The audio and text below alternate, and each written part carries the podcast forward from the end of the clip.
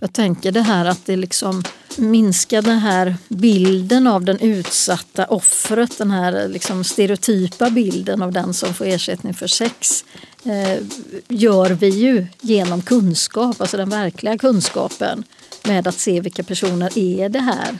Och det handlar ju liksom inte om vi och dem utan det handlar om vilka är det liksom i, i samhället i stort som vi behöver fånga upp och vara extra vaksamma på.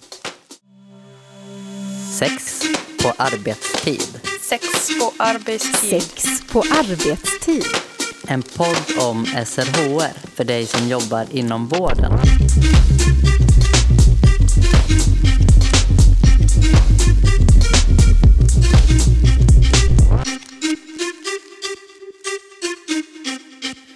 Idag ska vi prata om sex mot ersättning. Det kan handla om att sälja sex för sin överlevnad eller att göra det då och då för att dryga ut studielånet. Eller det kan handla om människohandel. Många har sex mot ersättning för första gången när de är väldigt unga. Gäster i programmet är Katrin Schultz, som är kurator på Mika-mottagningen och Eva Damberg, barnmorska och sexualrådgivare vid SMC Pilen. Båda möter varje dag personer som har erfarenheter av sex mot ersättning och sex som självskada. I programmet pratar vi om hur vi kan ställa frågor, uppmärksamma och hjälpa personer som är i behov av vård och stöd. Jag heter Elin Klingvall och jag gör det här programmet tillsammans med min kollega Anna Skoglund.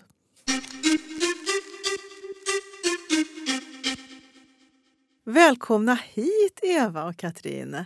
Tack. Tack så mycket. Vi är jätteglada att ni kunde vara med idag. Katrin, du arbetar ju på Mika-mottagningen. Kan du lite kort berätta om, om er verksamhet? Mm. Mika-mottagningen är ju en kommunal verksamhet i Göteborgs stad.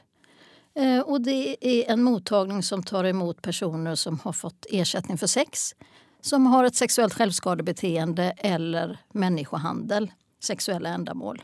Vi tar emot alla åldrar eh, och vi tar emot alla kön. Eh, och det är gratis att komma till oss. Det är viktigt att veta. Vi dokumenterar inte. Vi för ingen dokumentation. Eh, man kan också komma till oss som anhörig. Eva, hur möter ni personer som har sex mot ersättning på SMC Pilen? Jo, men SMC Pilen är ju en specialistenhet inom regionhälsan som är regionstäckande. Då. Eh, vi möter personer från 13 år och uppåt. Och träffar personer som har varit utsatta för sexuella övergrepp, har sex mot ersättning eller har varit utsatt för människohandel. Men om vi börjar med att bara prata om det här begreppet sex mot ersättning. Vad, vad betyder det? Nej, men sex mot ersättning är ju ett, ett, ett begrepp som kan betyda ganska mycket. Men det är ju när man eh, mot en sexuell handling erhåller någon form av ersättning. Och den handlingen som eh, är bestämmer ju inte den personen som själv som utför den, bestämmer ju inte över den. Och vad kan det vara för sexuell handling? Alltså det kan ju vara allt från att man, det som man kanske det stigmatiserade bilden av en person, en kvinna som eh, är i gatuprostitution, som kanske har ett missbruk och som får pengar som ersättning. Men det kan ju också vara ett eh, barn som har eh, blivit groomad, alltså blivit utsatt för eh, manipulering eller kommit i kontakt med personer som får dem att göra sexuella övergrepp mot sig själva och kanske då blir mot ersättning börja sälja bilder på sig själva till exempel. Så kan det se ut. Precis som du säger att det kan vara så olika saker. Och det kan ju vara att man sexchattar med någon exempelvis. Det kan vara webcam, det kan vara att man är på strippklubb, att man är inom porrbranschen. Um, Sugar dating är ju också ett eh, begrepp som används nu, att man har kommit in på det sättet. Vad innebär det då? Sugar dating så som det marknadsförs på de här sidorna då är ju att det är en eh, sugar mommy eller daddy då som har den ekonomiska liksom, möjligheten och statusen att ha en sugar baby eh, som den kan då eh, utifrån sidorna bjuda på mat eller ta med den personen på. Eh, men det vi vet idag också det är ju att det är många unga personer där och att det också handlar om eh, sex mot ersättning. Vad är det för slags ersättning man får? Är det pengar? Ja, Mat sa du? Jag tänker det kan vara pengar, det kan vara droger, boende, kläder, resor. Hur vanligt är det med sex mot ersättning? Vet vi någonting om det? Vad, vad finns det för siffror? Det vet vi ju. Jag tänker på den forskningen bland annat då som stiftelsen Allmänna barnhuset har gjort. De har gjort den vid tre tillfällen och kom fram till ungefär samma eh, antal, då, eller rent statistiskt liksom liknande procentandel. Eh, och det var, de hade ju också många unga människor då som de frågade. Det var ju ungefär 6 000 va, som de frågade i tredje ring. Eh, och där kunde man ju se att det var ungefär 0,9 tror jag, procent av dem som eh, gick i tredje ring som hade fått ersättning för sex. Och där var det lite variation då, beroende på kön. Kunde man se att det var vanligare i någon av grupperna eller hur såg det ut? Alltså det är ju något vanligare eh, att män har sex mot ersättning. Eh, och i vissa andra grupper tänker jag är det också vanligare såsom eh, hbtq-personer eh, och då främst eh, unga eh, personer med någon form av transidentitet eh, har ju eh, så mycket som tror jag, upp mot 12 procent eh, erfarenhet av sex mot ersättning. Ehm, jag tänker också på personer som har någon form av funktionsvariation har, har ju också lättare att hamna i sex mot ersättning. Personer i missbruksmiljöer och eh, personer i migration har man också sett utifrån undersökning man har gjort. Då. Ja, det har ju pratats en hel del om unga ensamkommande. Att det är mm, många mm. som eh, har sex mot ersättning kanske för husrum och så vidare. Är det någonting ni känner igen? Och möter? Mm, absolut. Alltså det här eh, det kunde man ju se främst då 2015, 2016 Fattigdom är ju en faktor som kan göra att man hamnar i sex mot ersättning.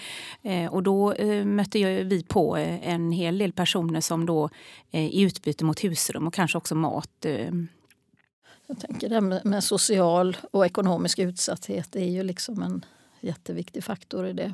Och då gör man ju liksom det som ska göras för att få in pengarna på något sätt. Eller boende eller droger eller vad man nu vill ha.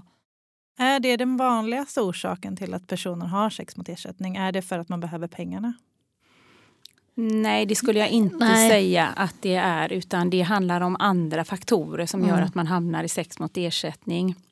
Det finns ju några gemensamma faktorer som är bidragande till att man hamnar i de situationerna. Och det kan bland annat vara att man har varit utsatt för eh, sexuella övergrepp i barndomen. Eh, att man har en allmänt en social utsatthet. Man kanske har dålig kontakt med, med sina föräldrar eller sina, ja, sina omsorgspersoner.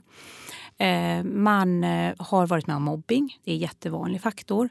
Precis som du säger, det här med liksom eh, känslomässig försummelse i uppväxtmiljön på något sätt känner ju vi igen jätteväl också. Eh, och sexuella övergrepp, men också fysisk, eh, fysiskt och psykiskt våld såklart. Det finns ju en bild av vem det är som har sex mot ersättning. Och det ni, det, när man beskriver och pratar kring sårbarhetsfaktorer så förstår vi att det här är ju så stora grupper, så olika bakgrunder men ändå med gemensamma nämnare. Men hur ska vi då kunna nå dem? Mm, en, alltså en, en viktig, alltså så som vi jobbar på, på Pilen är ju att man har ju ett utformat frågeformulär. Vi utgår ju i princip från att alla är i en utsatt situation. Så vi har ju frågeformulär som vi screenar för både våld och utsatthet eh, egentligen. Eh, och eh, Eh, jag tror att på det sättet kommer vi nå personer. Att man då vågar fråga och man gör verkligen det också, frågar. I allt från alla som har kontakt med, med de här personerna. Eh, socialtjänst, eh, skola, vi själva. Att man frågar frågor. Alltså Mika-mottagningarna eller Pilen kan ju inte liksom stå för att ta in alla människor så att säga. Och just det här att det är, debutåldern är ju strax under 15 år i genomsnitt. Alltså då kan man ju tänka det genomsnitt. Så därför är det otroligt viktigt att man har någon, någon systematik i att fråga, att man liksom öppnar upp generaliserar, lär sig saker om det här så att man kan liksom fånga in de här unga människorna i god tid för att annars så sitter de på Mika-mottagningen eller kommer till pilen eh, efter många år och då är det ju mycket, mycket större skador som har skett. Eh, och jag tänker, vi möter ju många som är traumatiserade idag och har svåra PTSD-symptom. Och fångar man upp personer så tidigt som möjligt, och det, det är ju ideella sektorn, alla som möter eh, unga människor och i vuxna också såklart, men framförallt unga, behöver ju hitta sätt att lära sig mer helt enkelt. Jag tänker, ni har ju, är ju utbildade eh, att jobba med trauma. Eh, men jag tänker om man jobbar mer generellt på en vårdcentral eller andra typer av mottagningar. Hur ska man ställa? Hur, hur formulerar man sig för att kunna närma sig eller kunna eh, höra ifall den här personen har en utsatthet? Alltså, jag tänker att en, en kunskap... Alltså det finns, dels så behöver man ju då få någon grundkunskap, va?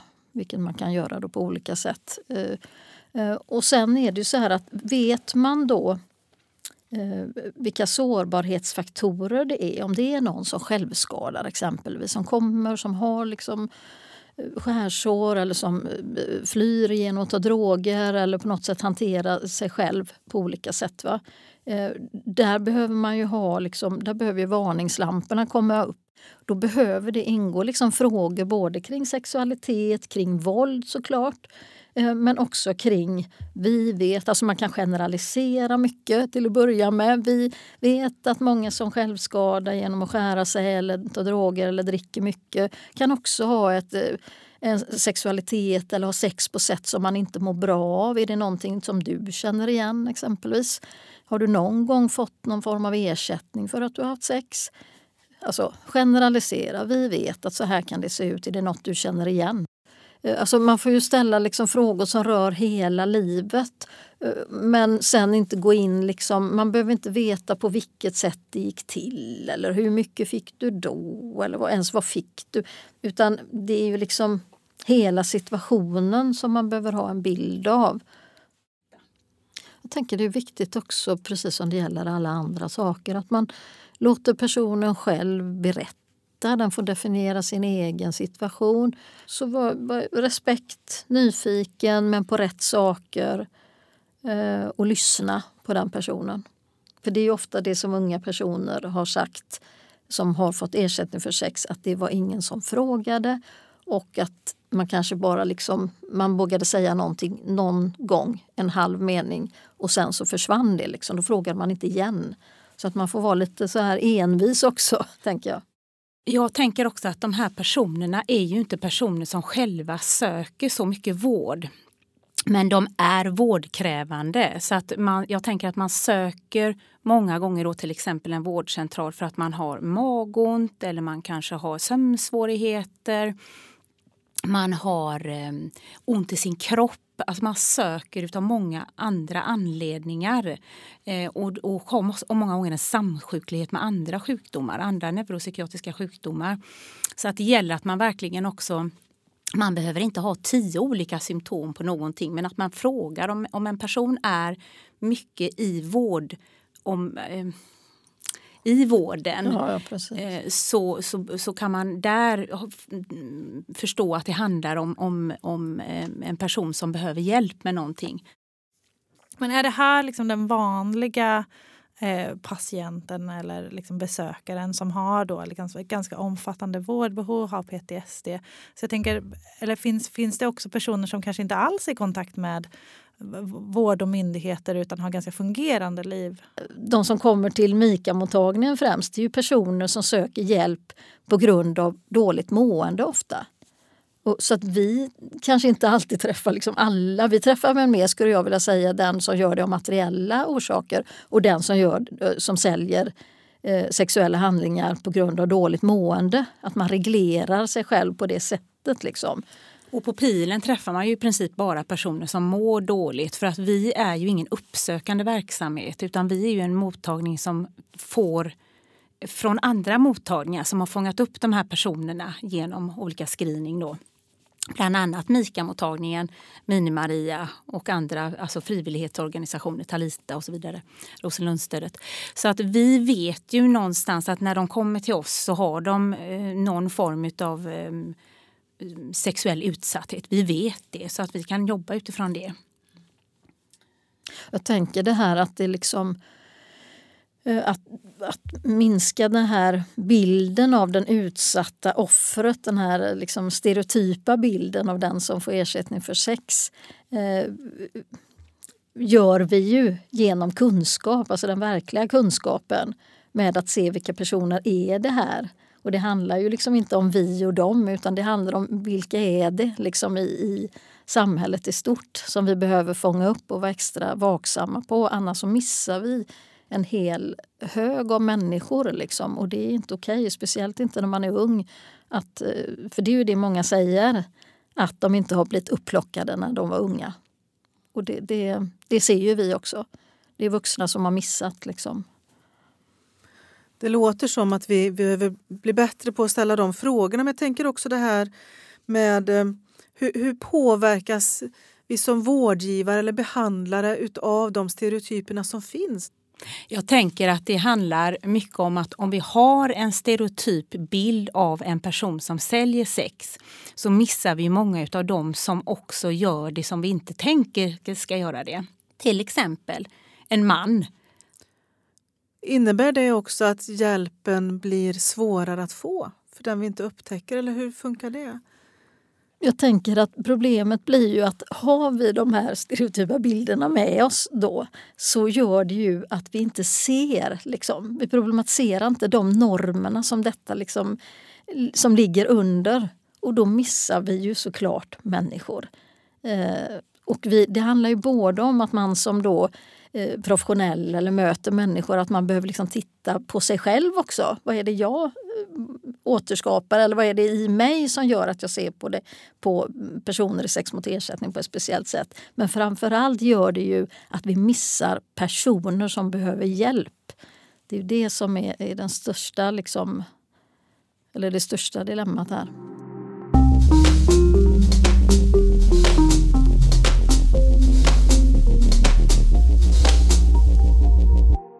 Katrin, kan inte du berätta hur, hur fungerar det om, man, om det kommer en person till er på Mika-mottagningen?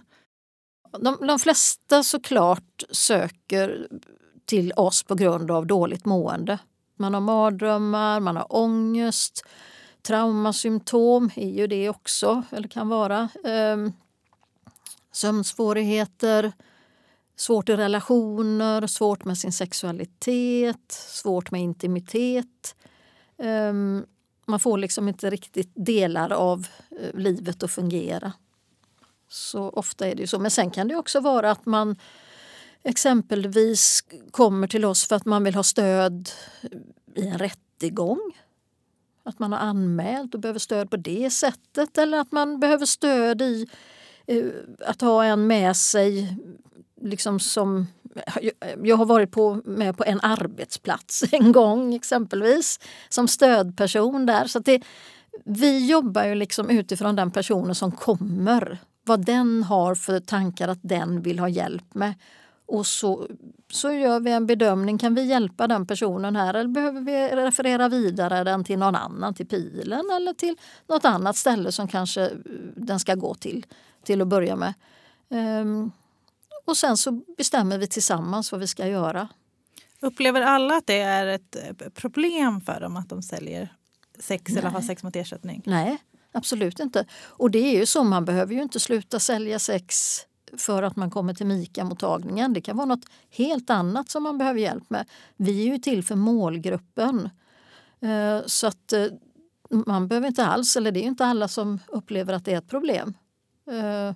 Utan då kommer man för något annat om det är det man behöver ha stöd för då. Men att man har någonting som man liksom vill, som man behöver hjälp med såklart. Det är ju därför man kommer till MIKA-mottagningen. Um. På vilket vis brukar ni hjälpa? Eller hur jobbar ni när ni hjälper någon? Nej, men det som vi gör då, det är ju liksom att de första samtalen, där försöker vi ju liksom få en bild av hur den här personens liv ser ut. Alltså vi jobbar ju med hela personens liv. Eh, inte enbart liksom med eh, handlingarna så att säga utan hur ser det ut? Har den personen någon annan hjälp från någon annan professionell? Behöver den ha hjälp med psykiatrin? Behöver den ha kontakt med socialtjänsten? Så de första samtalen går mycket ut på att liksom se vad behovet är. Eh, och så försöker vi att liksom mobilisera det professionella nätverket som behövs då för att den här personen ska kunna liksom få ordentlig hjälp. För det är ju det vi också har sett är hjälpsamt för de som kommer till oss. Att man behöver flera professionella som hjälper till liksom som ett skydd. Eh, och då kan det bli väldigt gynnsamt för den personen att, att, att den kan få hjälp. Så, och sen remitterar du vidare då många gånger till Pilen. Så det kommer eh, personerna till er. Och vilken hjälp och stöd får man hos er, Eva? Det är lite olika. Ehm, många gånger behöver vi starta med att se till att personen kanske får ta prover, STI-prover. Ehm, man kanske behöver ett preventivmedel ehm, så att, eh, mot ofrivillig graviditet. Vaccinationer mot hepatit B eh, är också någonting som vi håller på med. Eh, sen kan det handla om, vi jobbar ju med traumamedveten omsorg, hela vårt liksom, eh, sätt att arbeta. Vilket betyder att vi ehm, försöker skapa en trygghet och en stabilitet kring personer när de kommer till oss. Alltså, vi har långa besökstider, en timme brukar vi sätta av för varje person. Ehm, vi har långa förberedelser om man ska göra en gynundersökning till exempel. För det är faktiskt väldigt många som är rädda för att göra en gynundersökning. Så vi försöker ge dem verktyg att själva klara av och liksom redan där kanske börja tala om vad man har för behov. Öva sig på det vid det tillfället att tala om det här behöver jag för att våga göra en undersökning. Och många gånger blir de väldigt förvånade att de överhuvudtaget kan få lov att vara med och bestämma någonting. Eh, man hjälper dem också att hantera sin egen alltså copingstrategier, att de ska få redskap att klara av genom andning och, och liksom lugna sig själva, att de kommer klara det här. Um, ja, sen så är det ju samma för oss att vi kan förmedla kontakt till andra vårdgivare också då, om det behövs. Det är ju väldigt många av dem som har en obearbetad trauma, de här personerna som vi träffar. De kan få stabiliserande samtal hos oss men eh, många gånger så behöver vi förmedla någon kontakt utanför där de behöver få eh, sin traumabehandling. Jag tänker det där med att det just du pratar om stabiliseringen Alltså både det inre då, att man liksom får, hjälpa, får hjälp med att reglera sina känslor, att liksom på något sätt hantera sitt mående. Eh, och att den yttre stabiliseringen, det som jag sa förut med att olika professioner liksom kommer in. Eh, att det är ju jättemycket av det jobbet vi gör också då. Och sen är det ju liksom, vi har ju ingen tidsgräns på Mika-mottagningen. Eh, så att hos oss kan man ju också gå ett tag för att kunna liksom få en mer fungerande vardag tänker jag och bli mer stabiliserad och kunna hantera liksom sina känslor och relationer på ett bättre sätt. Mm. Och det är ju samma på pilen, det är ju heller ingen tidsbegränsat utan de allra flesta tycker jag skulle jag säga kommer till oss och har en period där det är kanske lite mer frekventa besök. Men sen kan det vara så att man ringer efter två år igen och vill ha något boostersamtal och bli påminn om vad vi pratade om eh, tidigare. Eh, men det jag skulle säga med pilen också det är att vi många gånger förmedlar kontakter utanför eller hjälper dem till exempel det här med SIP-möten, att man tillsammans med socialtjänst och andra personer runt den här personen kanske går med på ett möte i skolan eh, och just kanske behöver hjälpa till att förklara varför den här personen kan ha svårt att koncentrera sig i skolan just för att man har ett pågående trauma. Det kan vara en sak som vi gör. Eh, så att man kan hjälpa till och förklara. Vi är liksom språkrören många gånger i de här sammanhangen när det gäller att lyfta SRHR-frågan, för den glömmer man många gånger av. Och där har vi en viktig uppgift att tala om så här reagerar man när man har ett sexuellt trauma. Man har kanske svårt att koncentrera sig. Man har svårt att komma upp och komma iväg till skolan. Eh, vad kan vi göra? Vad kan vi hjälpa till med? Hur kan den sexuella hälsan påverkas hos den som har sex mot ersättning? Nej, men jag tänker att den påverkas ju egentligen på alla sätt. Eh, eftersom sex handlar ju många gånger om att utgå från sig själv och sina egna preferenser och sina egna behov. Och det är ju i de flesta fall inte så om man har sex mot ersättning utan då är ju det den som som köparen som bestämmer vad som ska göras. Så att när vi träffar personer då som har varit i sex mot ersättning så får man många gånger börja från början skulle jag säga och backa tillbaka bandet nästan till när man var ung eller när man startade. För att många ser ju sig själva som jag som har haft så mycket sex. Jag borde ju veta det här och kunna det här. Och jag har haft sex med många och jag har haft det länge. Så jag borde kunna det här. Men det är ju inte så för att då har du ju inte utgått från dig själv. Så jag tycker att man många gånger får börja helt från början och utforska eh, vad man själv vill och vad man själv tycker. Och också med den här personens egna syn på sig själv. Att kunna också ge sig själv den tiden att gå tillbaka och verkligen ja, börja utforska. Jobba med alla motstridiga känslor som det många gånger handlar om.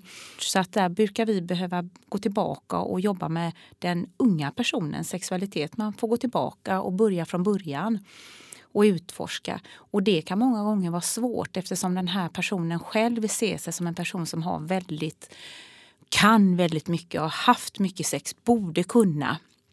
Så det blir något väldigt motstridigt i det här att behöva gå tillbaka och att se sig själv som en person som faktiskt behöver få den tiden och börja om från början.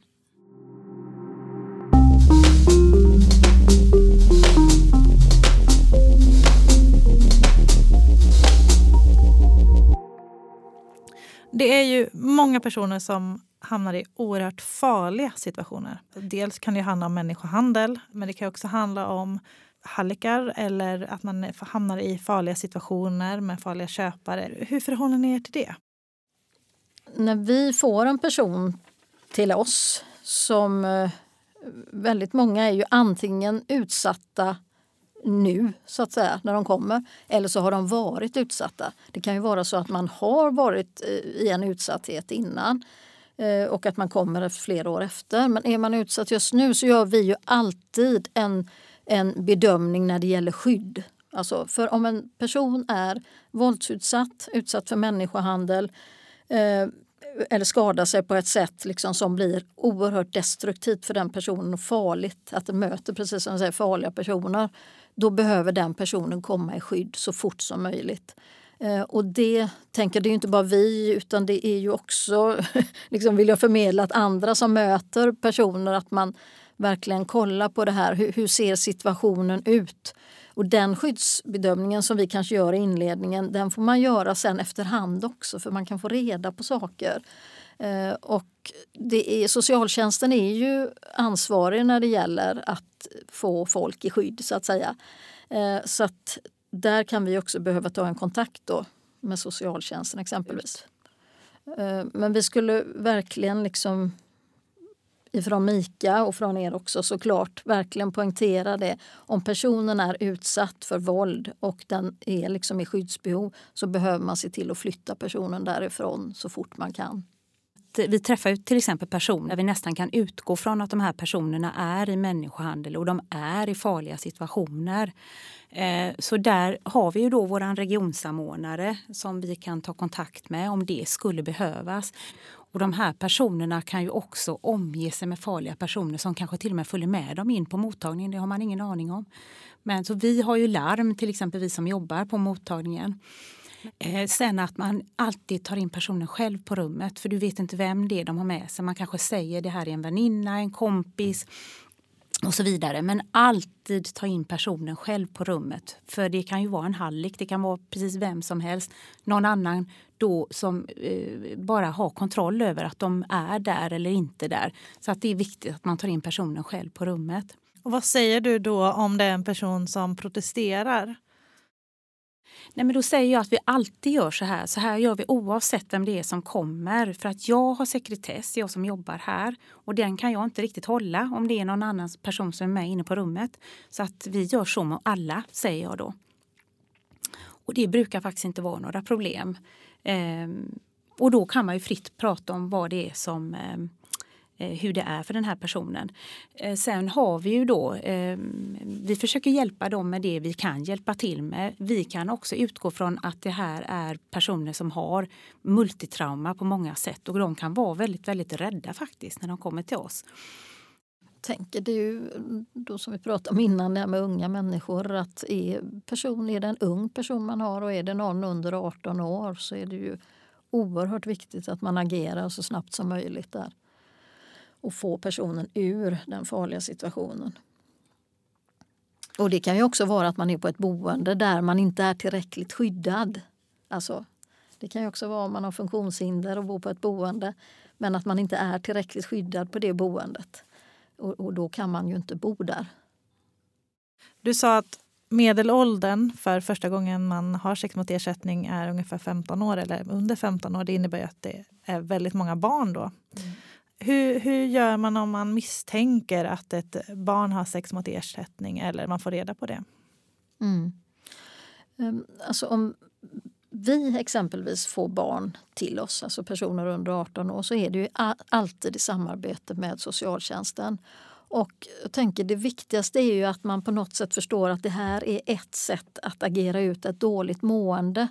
Ehm, och så som det gäller alla andra sätt som man agerar ut dåligt mående så behöver man ta tag i det så fort som möjligt. Liksom. Och är det här barnet i en farlig situation, vilket många är, där det kan vara vuxna liksom personer som den säljer till eller eh, då behöver man ju ta den här, alltså man behöver göra någonting, agera direkt. Det, det är liksom det som gäller och, och kraftfullt. Liksom. Och jag tänker att alla personer som är under 18 år så gör man en orosanmälan. Det gör vi alltid. Eh, och hellre tänka att man gör en orosanmälan för mycket än för lite. När man ser att någon då kanske man slutar gå till skolan, man börjar kanske visa mycket ilska och utåtagerande. Man drar sig hemifrån, man kanske rymmer hemifrån. Man börjar umgås i eh, med andra personer som man aldrig har varit med förut och så vidare. Om, om personer som jobbar kring unga personer som är under 18 behöver inte ha flera faktorer för att man ska reagera och göra en orosanmälan utan det kan man göra till socialtjänsten.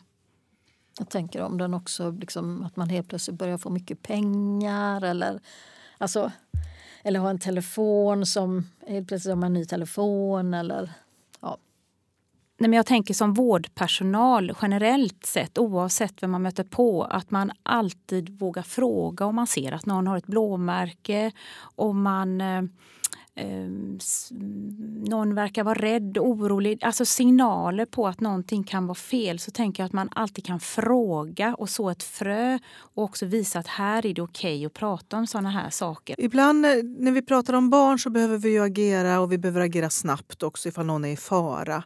Men om det är någon som man bedömer att nej men det, här är, det här är inte riktigt så bråttom. Hur vågar man ha is i magen som vårdgivare eller behandlare? Det är ju lite grann det här det handlar om här också. För att man kan ju möta personer som är i liksom utsatthet eller säljer liksom just nu så att säga. Och allting behöver liksom, processen behöver ju ha sin gång och det kan ju vara väldigt, väldigt påfrestande också när man sitter och liksom lite granna ser på. Men, men det, det, är olika grader som sagt, precis som du sa. Vissa behöver ju liksom skyddas direkt men, men vi behöver också kunna vara med den här personen för den behöver liksom hänga med i processen.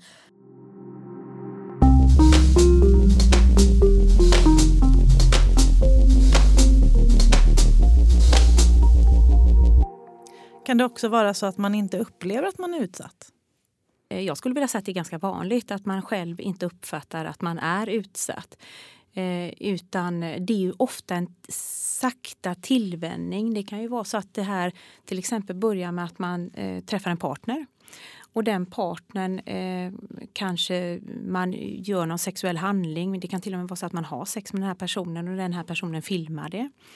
Eh, och sen har man det som en, en utpressning att jag har en film på dig så om inte du eh, utför den här sexuella handlingen. Eller alltså den personen börjar sälja en. Och det kan ju vara så att man inte uppfattar det som att man är en, ut, eller en, en sex mot ersättning för att det är ens pojkvän som gör detta mot en. Så absolut kan det vara så att man inte uppfattar själv att man är i en utsatt situation.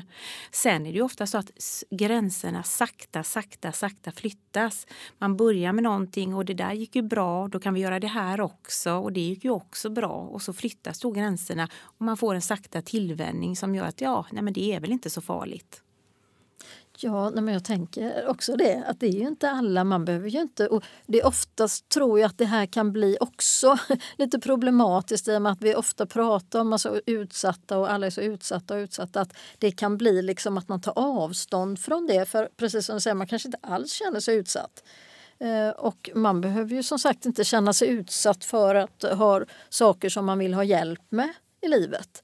Eh, och eh, och det, det, får man ju liksom, det, det, är ju, då får ju personen definiera det själv så att säga. Och då får ju vi respektera det. Eh. Jag tänker med det här med, med om man har ett sexuellt självskadebeteende att det är så otroligt vanligt då att man tar kontakt med personer själv på nätet exempelvis. Skickar bilder eller filmer eller chattar. Och att det kan vara väldigt mycket, det är ju det generellt med vår målgrupp, väldigt mycket skam och skuldkänslor. Att man känner att man, känner att man själv har gått in i det här. Liksom. Och det kan man ju också prata om, att vi vet att det kan vara så här.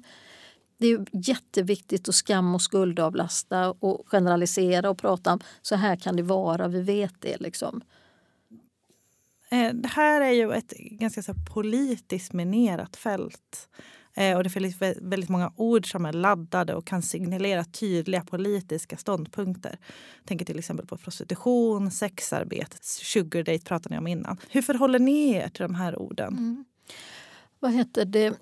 Alltså, det finns ju andra saker som gör det problematiskt då eh, om vi tänker på en samhällsnivå som givetvis går ner till individnivån när det gäller den här polaris polariseringen för att, och det här laddade fältet. För att allting är ju som vi vet inte svart och vitt utan allting är ju i någon eh, nyans här någonstans. Va? Eh, men så som vi vad det gäller ord då som man använder så har ju vi valt då eh, att använda sex mot ersättning. För att det är ju liksom ett mer neutralt eller det är inte så laddat eh, begrepp. Liksom. Och det är ju många som gör det idag och, och det, det, fyller ju sin funktion. Liksom. Eh, och sen är det ju också den personen vi möter använder kanske sina ord. Och då får man ju liksom eh, använda kanske den personens ord också. Man får ju mötas i det. liksom. Eh, för det, det, är ju mötet emellan människan och hjälparen så att säga. Det är ju det som måste till. Och då behöver vi liksom spegla den personen i vad den säger och, och så använder man sex mot erkänning och så kanske man använder något annat också. Va? Så att det, det är viktigt att, att, lyssna in liksom vad den personen säger. Och sen är det ju så att båda våra verksamheter är ju hjälpverksamheter. Vi är till för målgruppen. Man ska ju få stöd och hjälp hos oss. Så att vi vi försöker ju hålla oss så långt ifrån det här politiska fältet som möjligt för att risken blir ju annars att personer inte kommer till oss, kanske inte söker hjälp hos oss som faktiskt har rätt att få hjälp och stöd av oss. Vi, vi är till för Eh, målgruppen och då har man rätt att söka hjälp hos oss. Och jag tänker att det är personen själv kan ju definiera hur de vill ange det, det de pratar om, vad de använder för begrepp. Det kan ju de själva använda medan vi använder det ja, sex mot ersättning. Men om man använder ett ord som till exempel sugar dating, ja, då, använder, då, då utforskar man ju mer kring vad det betyder för dem. Dating, okay, det betyder ju det. Bara det ordet i sig har ju en speciell ton och klang. Att det är dating, det är på lika villkor, det är romantik. Alltså det är på något annat. Så man kan ju utforska vad de tänker att det inbegriper det ordet. Och liksom följa med. Det är ju viktigt att förstå att vi alla är en del av samhället. tänker jag. Så de här bilderna har ju vi och föreställningarna och normerna har ju vi med oss. Så man behöver liksom titta på sig själv, man behöver prata om det i arbetsgruppen och sen behöver man ha ett professionellt förhållningssätt utifrån det här.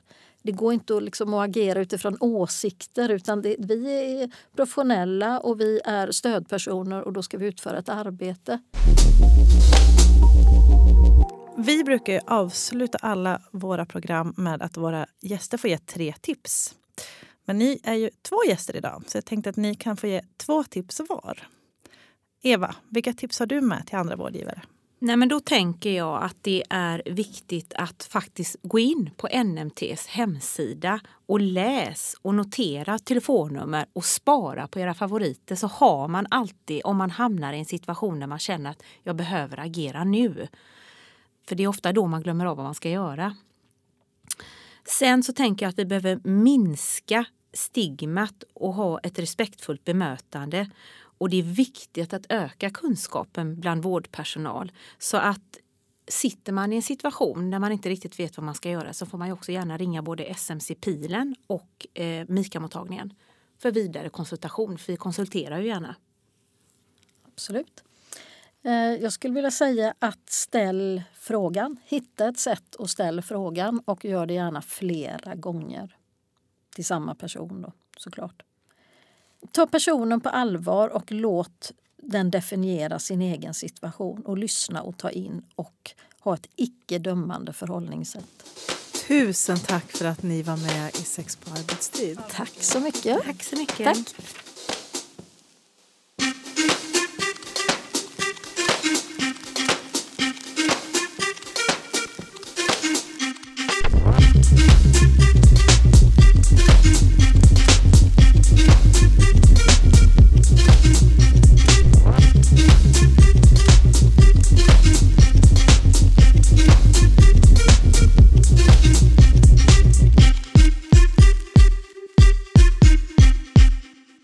Hört Sex på arbetstid, en podd som görs av Kunskapscentrum för sexuell hälsa, en del av Västra Götalandsregionen. Producent var Elin Klingvall.